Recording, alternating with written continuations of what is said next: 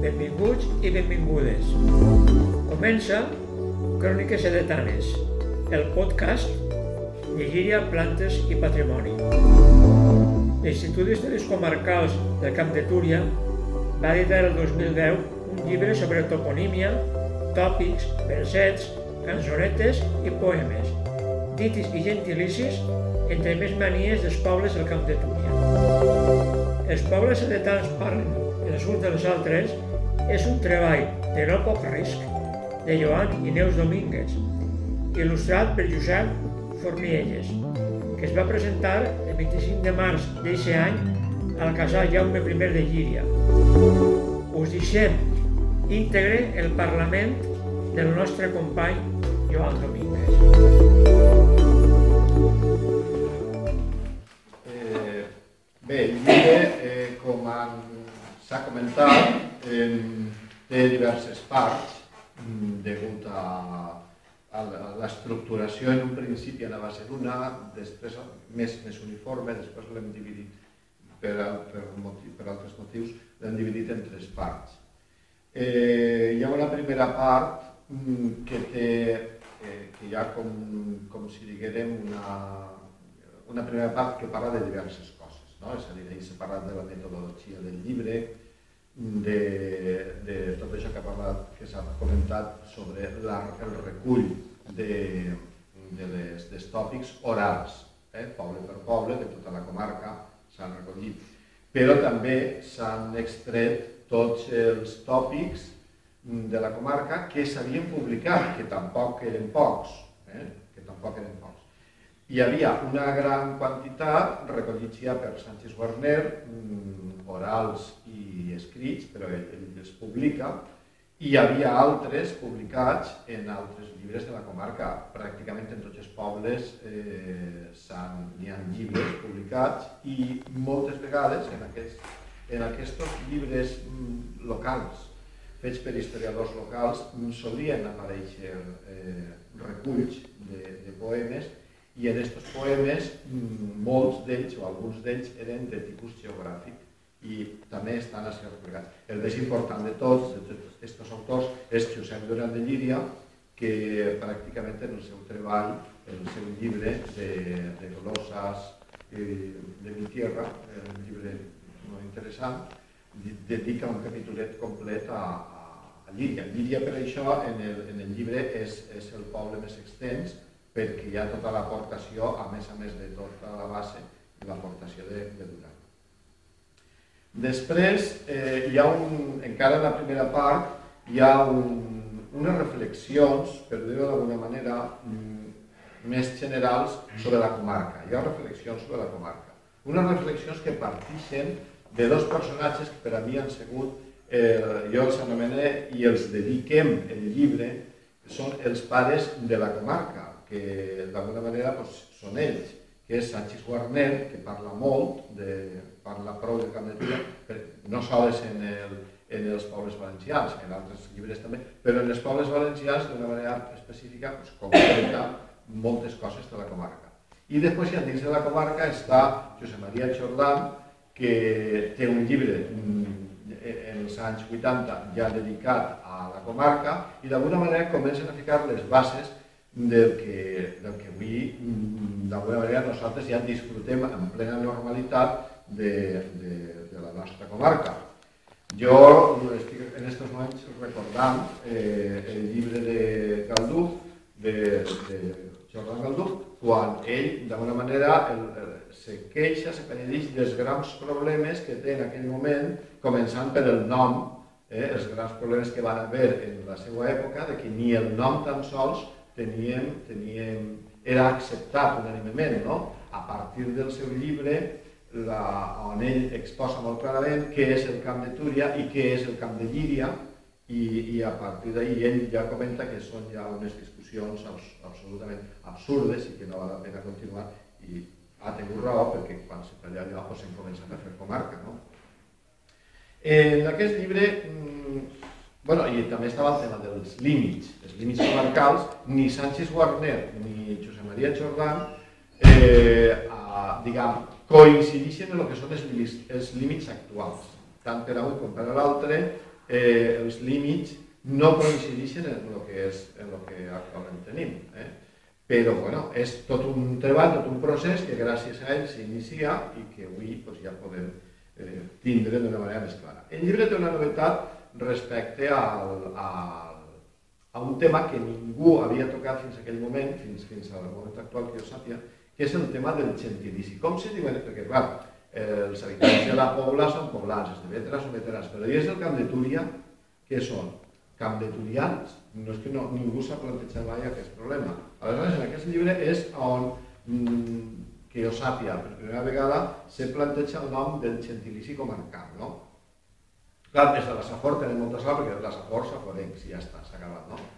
Però nosaltres què? Aleshores, en el llibre se proposa rescatar un vell topònim, que és el, Edeta, a partir d'Edeta, i se, se diu per què, hi ha una raó, eh, diguem, inclús de tipus basada en el que és fins i tot el que podríem anomenar el dret romà, és a dir, sabem que Edeta era un municipi romà, i, però el municipi romà no, era, no se correspon a la Llíria actual, sinó a tot el Camp de Túria i inclús molt més de lo que és el Camp de Túria, les comarques del voltant, concretament fins, fins el el Rei de Bunyol, fins i tot podria ser la plana de, de Utiel i fins i tot la mateixa horta de, la mateixa horta de València.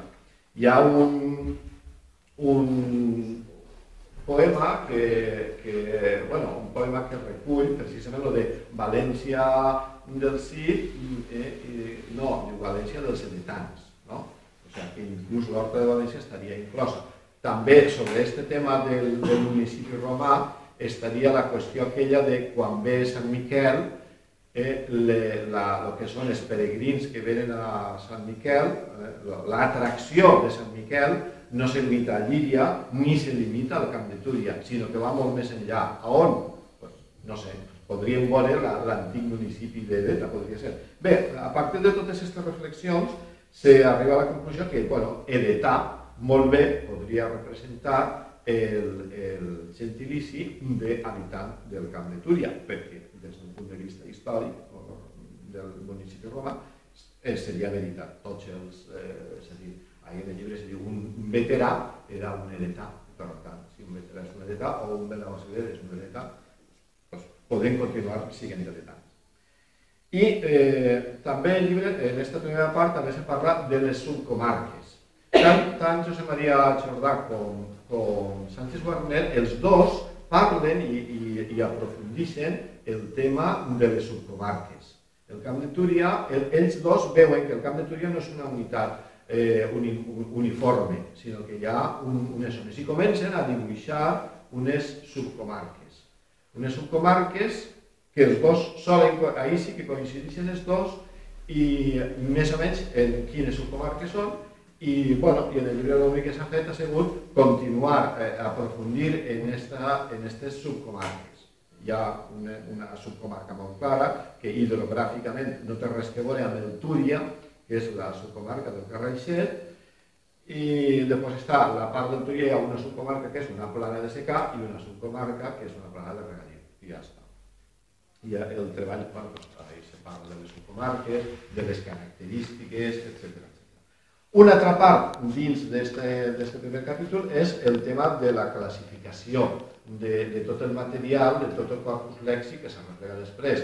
Eh, se classifica seguint a Sánchez Warner. Jo només comentaré ara, eh, eh, per exemple, sobre l'assumpte. De què ens informen totes les, les dites que s'han arreplegat així. De què ens informen? Ens informen de moltíssimes coses, de, començant per, per, una, per els aspectes més geogràfics. Si, si un poble està entre muntanyes, si un poble està pla, si està vora riu, eh, si, si està en, en, en una muntanya molt alta. Mos, mos parlen de, de l'oratge, si hi ha pobles que plou molt i se desfan les collites, Eh? Ens parlen de l'economia, ens parlen de la indústria, totes les dites, per exemple, quan arribà a principis del segle XX, arriba la llum, això va ser un verdader boom en tots els pobles. Concretament, en el poble de Marines va, va ser, en, en, hi ha molts pobles, bueno, com, com ja s'ha comentat abans, eh, les dites que s'arreplega la candidatura no són exclusives de la candidatura, són moltes voltes còpies d'altres dites que se diuen en altres pobles. Pues, esta, esta és de, de la llum, quan arriba la llum a Marines, se fa tota una, Marines y a los Marines, que és una gran ciutat, eh, por el Pedregal abajo baja la electricidad, per exemple, no? La, eh, la llum, no? que arriba allà. Eh, aquest tema de la llum se repeteix en molts pobles, eh, dic, fora de la comarca.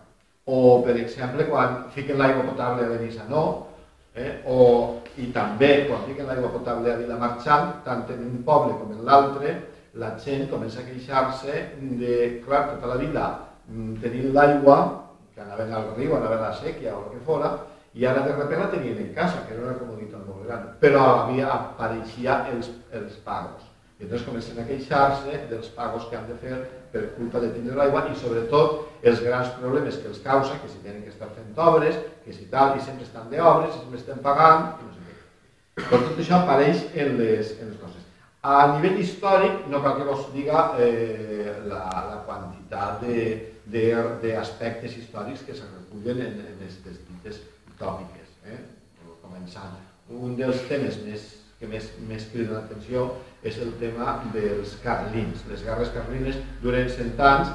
Tingueu en compte que estos, estes, estos recull que s'ha fet així, eh, la majoria van ser creats en el segle XIX o el segle XX, sí que és veritat que n'hi ha anteriors, del 18 del 17 segurament n'hi ha, però ja segurament molt, molt poquets. La immensa majoria són creats del 19 i del 20. Clar, les referències als carlins són constants.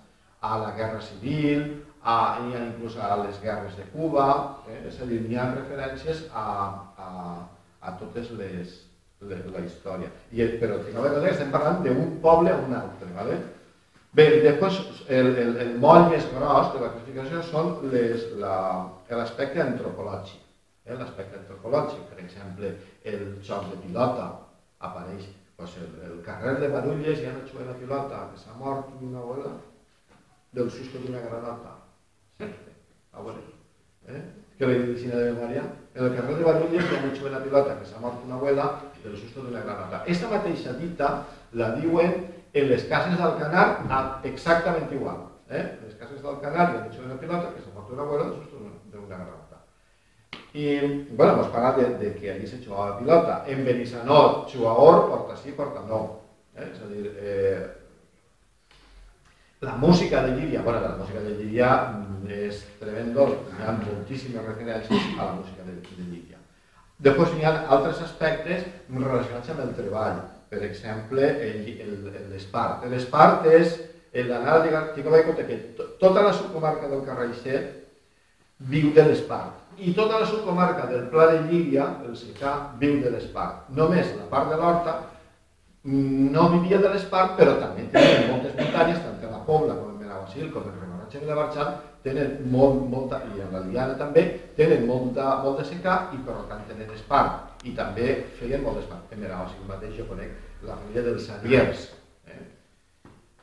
Bé, pues de l'Espart, però clar, Llíria, per exemple, i Bétera, especialment, les dues ciutats més importants de, del Pla de Llíria i del Carraixet, eh, bueno, en el llibre n'hi ha en concret una cita de Cabanilles quan passa per així i va a Bétera i veu que allí pues, tots eh, estan treballant l'espart i ell diu, està molt bé, diu, però els, diu, això de l'espart ho haurien de deixar per les dones i pels vells, i els homes s'haurien de dedicar a treballar l'horta.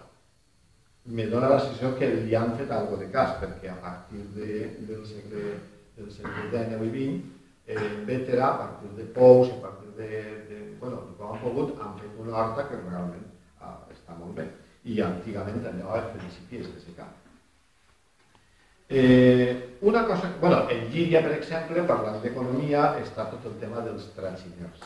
Eh? Els tratxiners de Llíria, que jo crec que no, no s'ha ficat mai prou l'accent en este, en aspecte i té una importància enorme el, els tratxiners de Llíria. És, una, és un treball, era una, una ocupació de molts homes de Llíria que Llíria no donava, és a dir, donava molt per al tema del, del transport i se nota en, en els tòpics, jo per exemple no soc i no he pogut viure el transport, però sí que he vist a través dels tòpics que la importància dels, dels tranxiners que anaven des de les muntanyes que, que portaven neu des d'allà de Sacanyet, eh, les ideres i, de, de marines, no sé què, i contínuament a Llíria i a València. Bé, eh, una cosa quedat també molt, molt atenció, perquè dius, això no n'hi no haurà així, doncs pues sí, també n'hi ha. Les cançons de comiat. Les cançons de comiat, eh, ja Sánchez Warner parla d'elles, no, no n'ha replegat, bueno, sí, Sánchez n'ha replega una del camp de Túria, i, però bueno, jo també n'he replegat alguna més i estan ahí. Cançons de comiat, és a dir, de tres tipus la més coneguda de tots vosaltres són les de tipus religiós referides a la festa de Sant Miquel. És a dir, quan s'acaba una festa, els peregrins, els romeus, que han vingut a comprar a la fira, a visitar l'àngel, se'n van. I quan se'n van, canten les cançons de comiat i s'acomiaden fins a l'any que ve. Adéu Sant Miquel de Llíria, les mongetes també, me'n vaig a Ribarrotxa i a, a, a, a l'any que ve tornaré. Eh? O me'n vaig a València i l'any que ve tornaré Eh, Eixes són un tipus de cançons de comiat. N'hi ha unes altres cançons de comiat molt, molt interessants que són les de, sobretot eixes se donen en el pla de, de Llíria, que en el secà, en el gran secà de Llíria eh, hi havia colles de treballadors que anaven de mas en mas pues, segant o collint o fent les feines de l'hort, que anaven pues, passejant. I quan s'acabava pues, venien les cançons de comiat del, dels massos Eh? Adeu Mas de Ferriol, eh, Carril i Casa de Carlos, han acabat fent l'Oliva i ara anem a pensar-nos, per exemple. No? Tot això, bueno, eh, ahir ja, però... Les cançons de comiat. I després n'hi ha unes altres que n'he recollit menys perquè no fan tantes referències geogràfiques que són les cançons quan els soldats se'n van a la guerra, especialment a la guerra de Cuba. Eh? Molts soldats, quan se'n van a la guerra de Cuba, doncs imagino que farien alguna festeta parar-se, bueno, o quan s'anaven, doncs cantaven les cançons de comiat. Són molt tristes, jo no n'he pogut recollir eh, cap al Camp de Túria mm, per, perquè les que, les que he recollit són generals, no, no ix mai eh, Llíria o no ix cap, no ix el Camp de Túria, podrien ser de Camp de Túria o no, però per això no, no les he recollit. Bueno, tot això que us he parlat és la primera part del llibre. Després, la segona és brevíssima, la segona, eh, bueno, la segona part del llibre és molt breu i, i va ser parcialment, ja estava publicada, té dos aspectes, la toponímia i els gentilicis. La toponímia major de tots els pobles del Camp de Túria, un estudi, i els gentilicis de, de tots els pobles del Camp de Túria. Bueno, en quant a la toponímia, que ja, estava, ja va ser publicada, però estava plena d'errors mm, tipogràfics, i ho hem tornat a fer, de tota manera són 15 pàgines, vull dir, és una pàgina per cada poble. I s'ha tornat a fer. Eh, bueno, ahir se recull una miqueta les primeres datacions, és a dir, quan apareix cada poble per primera vegada, no quan, no quan apareix el poble, sinó escrit el, cada poble de la, de la comarca. Aquí ja ens dona una pista d'això. És curiós perquè, bueno, te trobes que el poble més antic de la comarca és Llíria i la primera documentació que tenim és del segle II, Eh, després apareixen ja en el segle XI i XII, apareix Vilamarxant, Olocau i Serra, eh? i a, en el segle XIII, amb la conquista de Jaume I, apareixen pràcticament, mm, o sigui, apareix Benaguasil, Ribarrotxa, eh, Marines, Gàtova, Bétera, Nàquera, ja està. I després, immediatament en el 14 apareix la Pobla, Bueno, la Pobla apareix en realitat a final del 13, en els últims anys del 13 ja apareix Vallbona, i ja després ens hem d'esperar al 10 que apareix l'Iliana i el, i el 18 que apareix Casinos. I ja està. Bé, això en quant als topònims. Bueno, ahir se fa una micoteta d'on ve cada topònim. Els que ho sabem ho sabem i els que no sabem, doncs ho sabem. Hi ha tota una sèrie de topònims que encara doncs, no, no, no tenim una idea, però bueno, pues anem fent i anem mirant. A mi l'única cosa que me sap mal és, a dir, repetir coses que s'han dit, m'agrada com, comprovar si una cosa no se sap, doncs no se sap, ja està. Per exemple, pues Gàtova, mm, se diuen tantes coses que per articular no, no, doncs no sabem Gàtova que, que d'on ve, què significa, no, no sabem, ahí està Gàtova. D'altres pues, podem tindre una idea més, mm, una més aproximativa. Els casinos, per exemple, doncs, amb tota seguretat és el cognom, perquè és un cognom que apareix en línia al segle XVI i sabem després que en el XVII és un cognom d'un home que tenia un mas en casinos i després en el XVIII apareix el mas de... Primer apareix el mas de casinos, sempre en singular, apareix casinos, sempre en singular, i al final del segle XVIII apareix mas de casinos, eh, per primera volta en plural, però es deixa en singular. I d'altres noms, com per exemple eh, Olocau, Benaguasí i Benissanó, que són els tres arabismes que tenim a la comarca, els tres, eh, o en el tema de l'Olocau és transparent total, perquè és una metàfora, és l'àguila, però referit a un pico de muntanya, que no és altra cosa que el pico de l'àguila. Eh? El pico de l'àguila, que, que encara diem, el pic de l'àguila, eh, en àrab seria l'Olocau.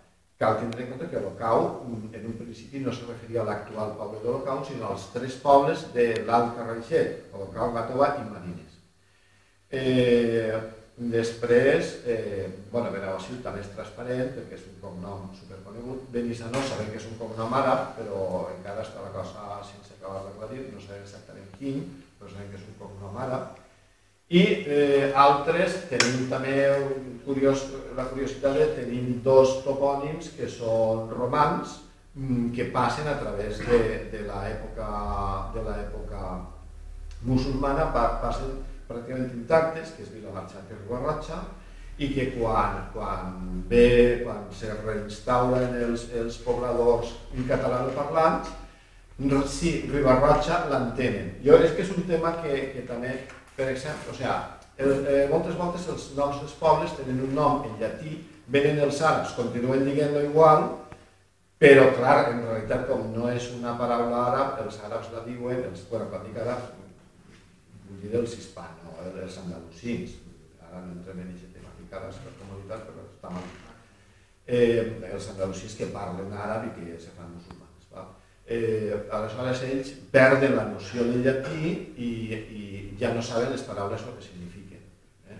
Per exemple, Ribarroja, quan apareix el primer, diuen un Muhammad de Ribadoia, i diuen Ribadoia, i en un principi escriuen Ribadoia.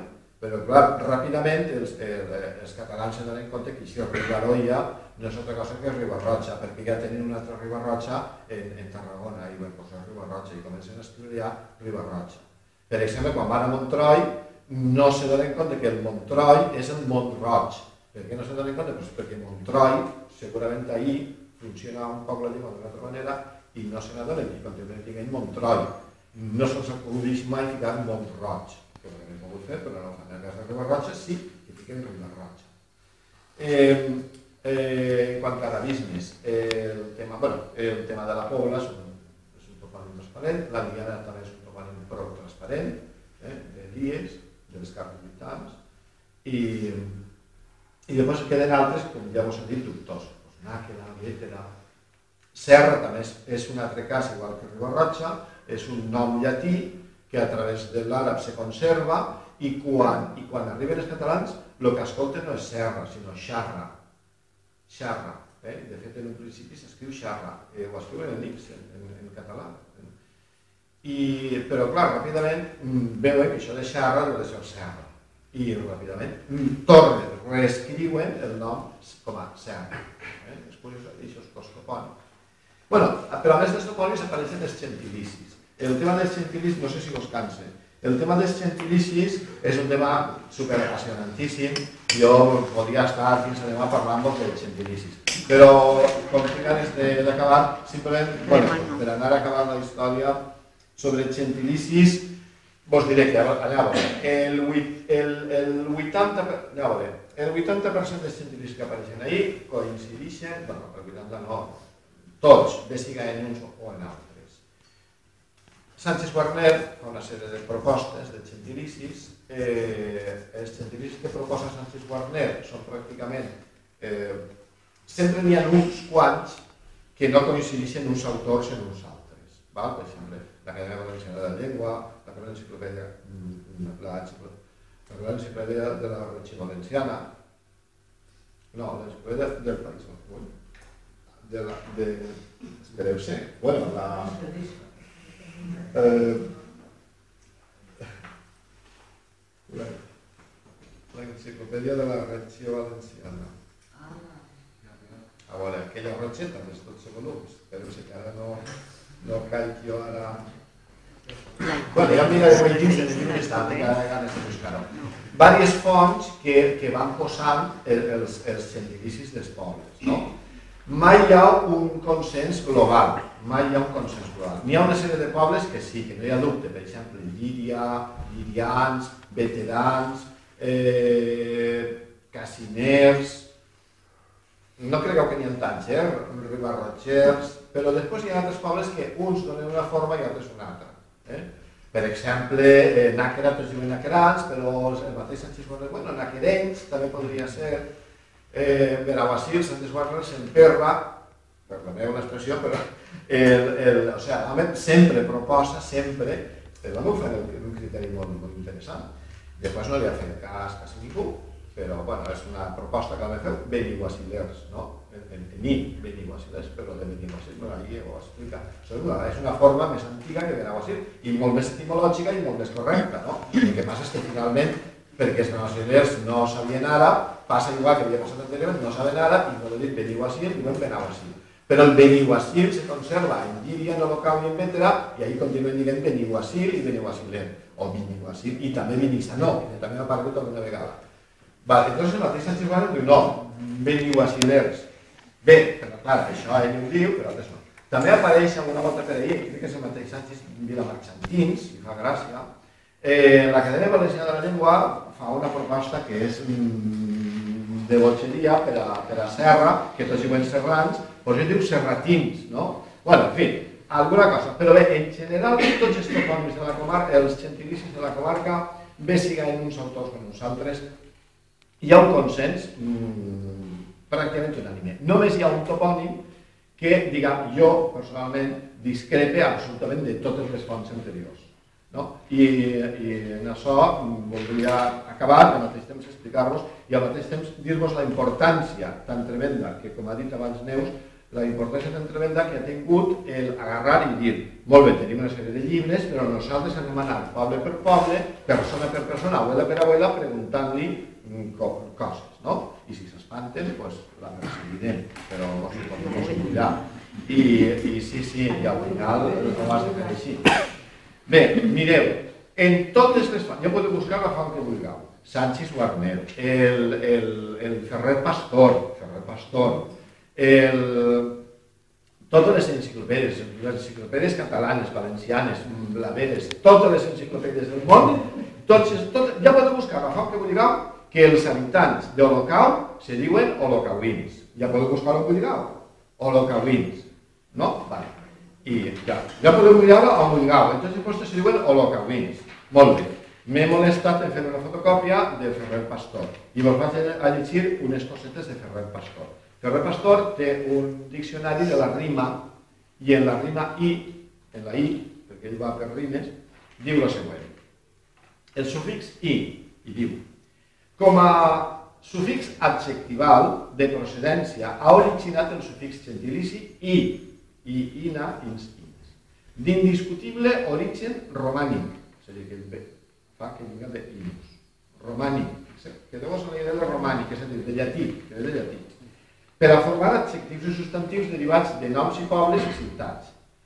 Diu, la vitalitat d'aquest sufix gentilici és tal que nebot en concret, però diu, quasi tots els gentilicis o noms locals valencians, diu que quasi tots, són en i, i ina. I entonces fica una, una llista, jo crec que fica tots.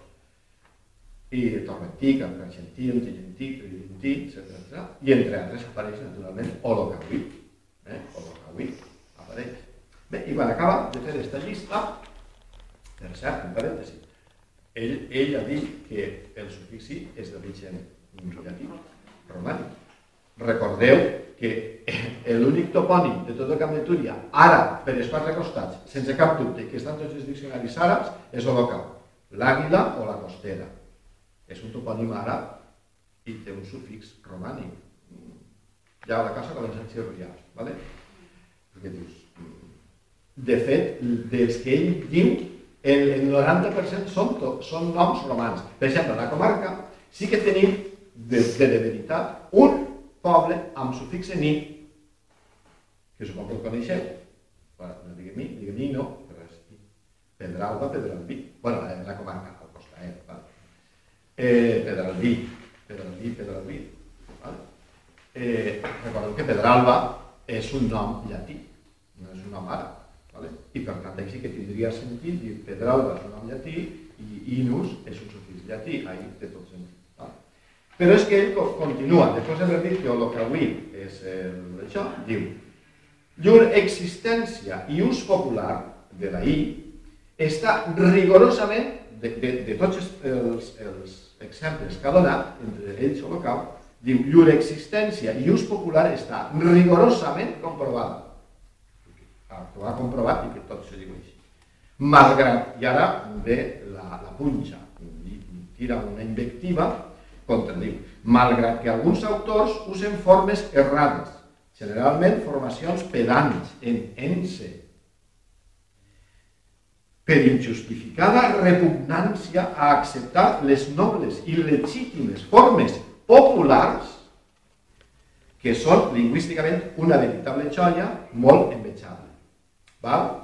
És a dir, que tu te llitges això i dius com pot haver gent que no diga el que avui, lo bonico que és i que ho diu tot, tot el món i és romà, com? Bueno, pues, mm, vale, i entonces anem, i vosaltres i si a tots els pobles del camp de Túria. Com se diuen els nens? Vivianos, veteranos, no sé què. I és el cap? Mm? A los carreros. Com? A los carreros. Ah, vale, vale, a los carreros. Vas a un altre. Esta, no sé què. No? Ni una sola persona de tot el camp de Túria, vos ho dic de veritat, m'ha dit hola que vull. Ningú. Per tant, per començar, aquesta cosa tan, tan justificada de l'ús popular no és veritat, no és ús popular de l'Ocavui. La història de l'Ocavui és molt senzilla. Alguna persona degué de dir-li a Sánchez Guarner o l'Ocavui i a partir de Sánchez Guarner venen els refregits. Els refregits de, de, i ja doncs, a partir d'ahir s'estén la paraula l'Ocavui. La, I per contrapartida, quan estudies el gentilici de local, si ho estudies amb el que te diu la gent, vos te digan com se diu el local, bueno, què? Els estudies en calma, ahí sí que n'hi ha verdaderes joies, ahí sí que n'hi ha verdaderes joies envejables. Quan realment ho estudies amb els ulls, el que t'han dit, i ho estudies. És una preciositat. Jo he disfrutat eh, estudiant el de local perquè ens revela, s'ha revelat moltes coses. Primera, els sufixes er, er o ero, val? i ja està. I és unànime en tota la comarca, o el Val? I, però la joia, la, lo, lo bonic, n'hi ha dues coses que són molt interessants, i és la O de holocau no és una O etimològica, en àrab és al, uca, com tots els arabismes, comença per al, que és l'article. Però aquesta A, des d'un principi, se fa O perquè el context de la paraula holocau és un context que en àrab és un glotal, és molt glotal, i que ha convertit aquesta A inicial en O. No és una cosa freqüent, però en el cas de l'Holocaust sí que es dona exactament. I, i, i justifica que aquesta A se convertisca en una O. Però, curiosament, en el camp de Túria, totes les persones que m'han parlat d'Holocaust me diuen holocaueros, alocaueros, és a dir, que han retornat al, al, al, al inicial, inclús este al inicial, te'n vas a Marroc i els àrabs, estos àrabs que entren així, el, el famós al, el, el, que és l'article àrab, no diuen al, diuen el, fan una L, no diuen ni A ni O, fan una L que la, la la... com nosaltres que diguem eh, l'auto, diguem l'auto, no? Pues els àrabs fan igual, no diuen al o cau, sinó local. Bueno, pues m'ha aparegut, o sigui, apareixen persones que diuen holocau, alocau i local. És a dir, jo, jo no m'invento res, ho diuen les abueles de Bétera, abueles de Llíria, abueles de Casinos, o sigui, persones que estan per tot el Turia. I després, una altra curiositat més sobre el tema de l'Holocau, que és, és interessantíssim, que és curiosíssim. Quan Holocau, sabeu que eh, junt amb, amb Gàtova i Marines van formar lo, el, el que era l'antic Holocau, que eren els tres pobles junts, formaven l'Holocau, perquè el que és l'actual Holocau era Pardines, un poblet que no tenia el nom de local, tenia el nom de Pardines. El que passa és que allí en Olocau, en l'actual Olocau, estava el cap de la baronia o el que fos allò. I quan cada poble d'alguna manera s'independitzà, la baronia de Parnines se quedava amb el nom de Ho comprès, no? Per tant, per això ens apareix el pic de l'àguila, ens apareix en, en Gàtova, eh? i després una altra curiositat, que tant en Gàtova com en Marines, que són els pobles més pròxims a l'Olocau, que tenen una història més recent, però que parlen castellà, ells quan diuen, com se diu este poble? Ningú dels dos diuen Olocau. Olocau ho diuen els pobles que parlen català. Els pobles que parlen castellà no diuen Olocau. Sense dubte, i tots diuen Olocau. Olocau, com el Colacao, com el Bacalao, i atenció, com Bilbao. I això de Bilbao, a què vos sona Bilbao? Bacalado de Bilbao, de Bilbao. dit la, la, la curiositat, bacalado de Bilbao. Bueno, pues resulta que en Gato i Marines diuen holocao, i ho tenen molt clar, però tenen molt clar, en el fons, que ho diuen mal, perquè ells diuen holocao, però haurien de dir holocado, però quan parlen tan mal, diuen holocao. I entonces què passa? Que quan posen el sufix del gentilici, no diuen holocauero ni alocauero, que aniria un poc contra les lleis castellanes que no té aquestes us com nosaltres. I tots, sense dubte, diuen alocaderos i holocaderos i de nou locaderos. Una preciositat de gentilici és una perla de gentilici però que la, la ceguesa, no la ceguesa, sinó els refrexitons que se dediquen a fer unes persones que, oh, per favor, per a mi me mereixen tot el respecte, com és Ferrer Pastor i totes les altres persones que fan les, que gràcies a ells pues, tenim molta informació. Però que moltes vegades fan falta aquests estudis fets per aborígens, com nosaltres, que si els aborígens no diguem res, la nostra història, les nostres particularitats, són completament desconegudes fora, o per almenys mal canviades, com és el tema del que el que avui fa molt bonic. Jo vaig escriure fa anys un article preciós eh, en, la revista esta de Llera Lauro, que justament perquè m'havia fet gràcia de los cauí, i pues, si esto lo causen los cauïns, és de gràcia són melavasilins. I vaig fer un article que ja nonomàstica dels moriscos melavasilins. Menys mal que ni jo mateix me vaig fer cas a mi, i gràcies a, a, a Déu, que si no ja estaríem a tota la guerra dels melavasilins. Molt de melavasilers. I en Holocau, a locaderos, i si i això sí, en el llibre se fan unes propostes, que això també és interessant, unes propostes de gentilicis, diguem, estàndard. Eh? Entonces allí, en el local és holocauer, que seria la normal, holocauer, llirians, i, i ja està. És l'únic gentilici que me deixa. Bueno, i la tercera i última part és tot el recull dels, dels, dels tòpics, que ahir pues, en el recull dels tòpics pues, apareixen les campanes i els campanars, que sempre han fet molta gràcia, que el campanar està tort, els de Marines diuen que està tort el campanar del costat, bueno, apareixen els doctors i abogats, eh? el tema de doctors i abogats. El senyor Carletúria estem servits, tenim els doctors, de, els doctors número 1 de tota la comarca. Està... Ah, bueno, per l'amor de Déu, se m'havia quedat en el tinter, gràcies Robert, se m'havia quedat en el tinter el tema també, que per a mi és, si el tema de l'Olocau és un tema estrella, és molt més estrella el tema dels manresans.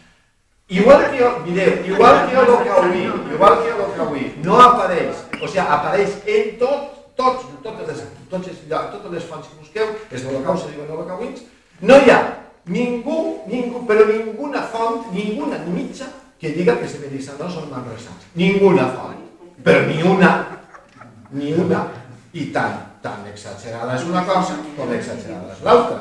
Cal deixar les coses en el seu lloc. Naturalment, jo no proposo en el llibre que els de no, a nivell estàndard se diguin manresans, entre altres coses, perquè el poeta manresà o el, o el polític manresà, la gent pensaria que és algú de Manresa. Però sí que faig una distinció entre el que és el nivell estàndard i un nivell col·loquial o un nivell comarcal que ahí sí que, sí que propose la forma manresà, que jo penso que és preciosa, apareix en molts, en moltes, en molts poemetes, tant de Benissanó com de Llíria i de Benaguasil, apareix manresans, bueno, és, és de tota la comarca, no? però en concret, sobretot de Llíria, apareix molt, I, sobretot, una de les coses que més m'ha sobtat és el tema de que en mateix Benissanó estan orgullosíssims de dir-se manresans. I n'hi ha poemetes d'estos de les festeres, Manresana, Manresana, eres el sol d'Espanya.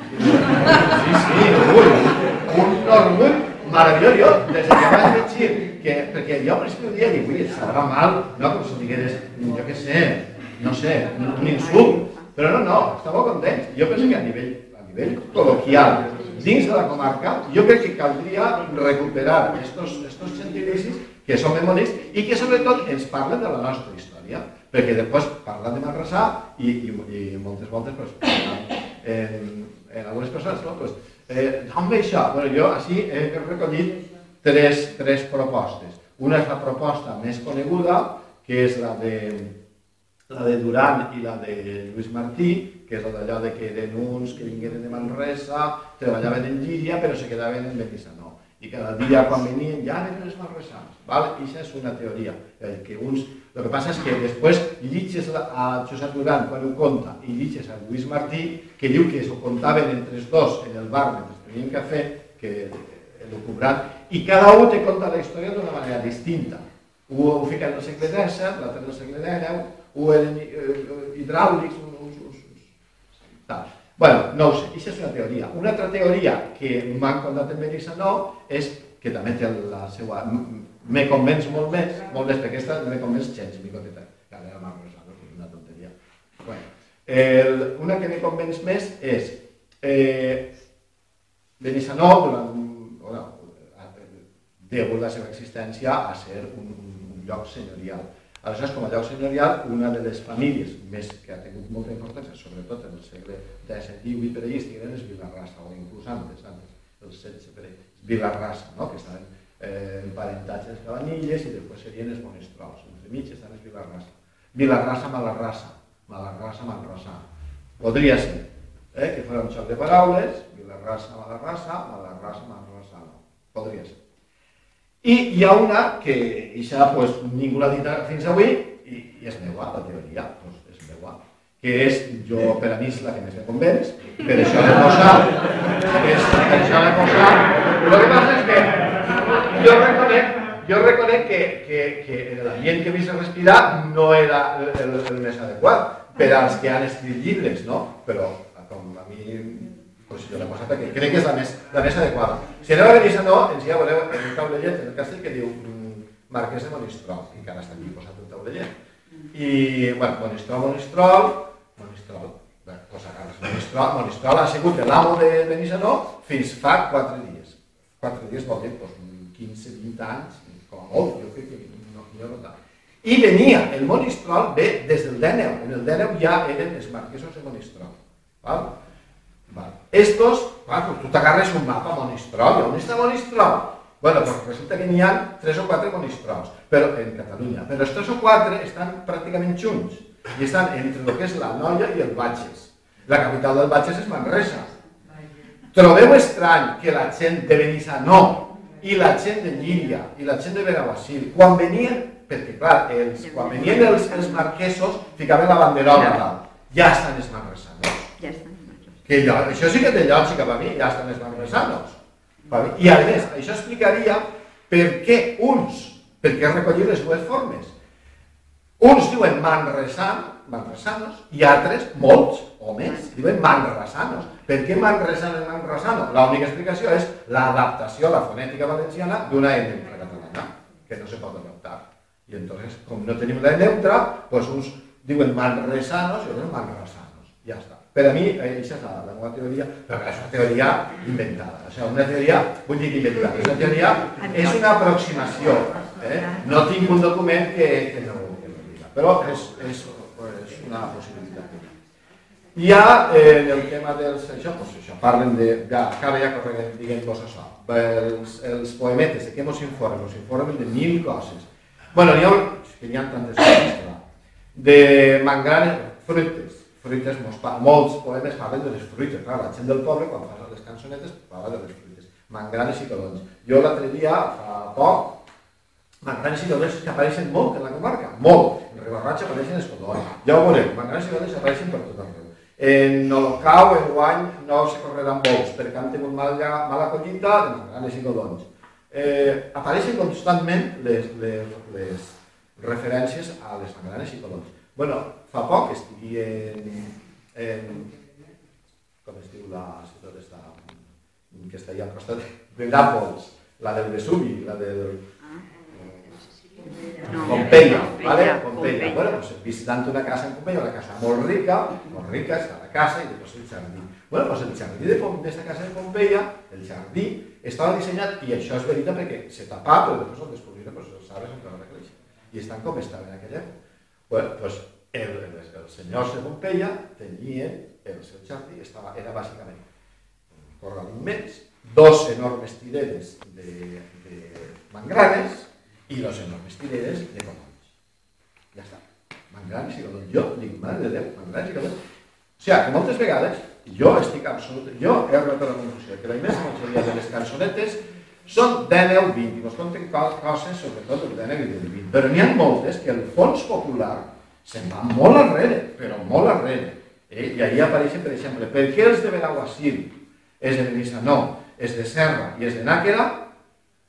És exacte. Per què aquests quatre pobles són pobles que per mitja figa maten un home? Per què? Doncs resulta que els quatre són moriscos, hasta, hasta, hasta els ulls. Té alguna cosa a veure? Per què Benaguasil de Fusell i Sant Josep? No, són també moriscos. Per què són tan violents els de Benaguasil? Eh? Que, i, i, eh? Vull dir, tot això ha d'estar Benaguasil, recordeu que va ser el cap de totes les revoltes morisques. Això no és un això és real. I en, les, en la guerra civil, no cal que vos compte, el paper de Benaguasil en la comarca va ser també el cap absolut i indiscutible de la violència comarcal. Eh, vull dir, i tot això està, està, tot això està així. Doctors, per què en, en, pues l'única explicació, igual que després no s'apareixerà en els albocats de Ribarroig o els albocats de Serra i Nàcra, són les lluites, les lluites, diguem, jurídiques que han de patir aquests pobles per a independitzar-se d'uns altres o per a aconseguir, no sé, probablement, en el cas de Vilamarxant per a mi està claríssim. Eh, perdó, en el cas de, de Benissanó per a mi està claríssim. Benissanó, llavors que tota la vida, tota la vida independent i, i dir, sent un senyoriu dins, dins de la ciutat i ara resulta que quan s'abolixen els senyorius, doncs diuen, bueno, doncs quan s'han abolit els senyorius, tornes a Llíria. I, i de sobte se troben en ple segle XIX que són altra volta de Llíria. Després que els llirians els han socarrat, els han cremat, els han fet les mil malifetes. I llavors comencen, l'única explicació és que comencen tota una lluita d'advocats i no, no. Eh? Bueno, eh, treballadors, per què els de Vilamarxant i, i Benaguasil eren negres i morenos de treballar? Eh? Eh, els, els de Benaguasil, una de les fames, gasius, i els de Benissanó, igual, els pobles moriscos, igual. Per què Benissanó? Perquè n'hi ha, bueno, per què els de Benissanó tenen un terreny tan xicotet? Perquè eren tan gasius que quan els de Llíria, els ciutadans de Llíria es donen el burro, pues ara, el que, lo que pastura el burro serà el vostre terme. I són tan gasius que al burro el lliguen per quedar-se en el burro. I clar, el burro, pues el pitjor que no sé, i Benissanó se quedava el xicotet, no? Per aquestes historietes, els de Benaguasil, no cal que vos conte, lo, lo t'enganyes. Gos ratero, mm, Corbella, gos ratero, Benaguasilero, ¿no? Les Mangranes, entre Benaguasil i la Pobla, la guerra, la guerra de Mangranes no, no s'acaba, i acaba hasta l'extrem de que Benaguasil ja, ja, ja acaba en això, no? En el tema ja, mm, ja de, Sí, de perquè si no? que ja seria també un capítol, el tema de, de bueno, puteros, putes, tal, i apareix ja també que això és molt freqüent en tota la, això, en tota la cosa està, i apareix el tema ja de, de Sant Sebastià, o sigui, ja el, el pitjor que es pot fer és burlar-se del sant del poble del costat, que ja, doncs, ja Sant Sebastià, mm, pues ja en Benaguasil, pues, el que ja a, Exacte, així està, així està. Eh? Bueno, pues és... N'hi ha nosaltres, Sant Sebastià, patrón de la Puebla, en mi huerto te criaste, perquè clar, la forma que té és de- d'un mangranet, però està tret d'un mangranet, se feu Sant Sebastià. En mi huerto te... és una burlata sarcàstica. De la viga del pesebre de mi burro eres hermano carnal. ¿vale? Sería dos branques, claro. I els milagres que tu faces, més clar que del parla.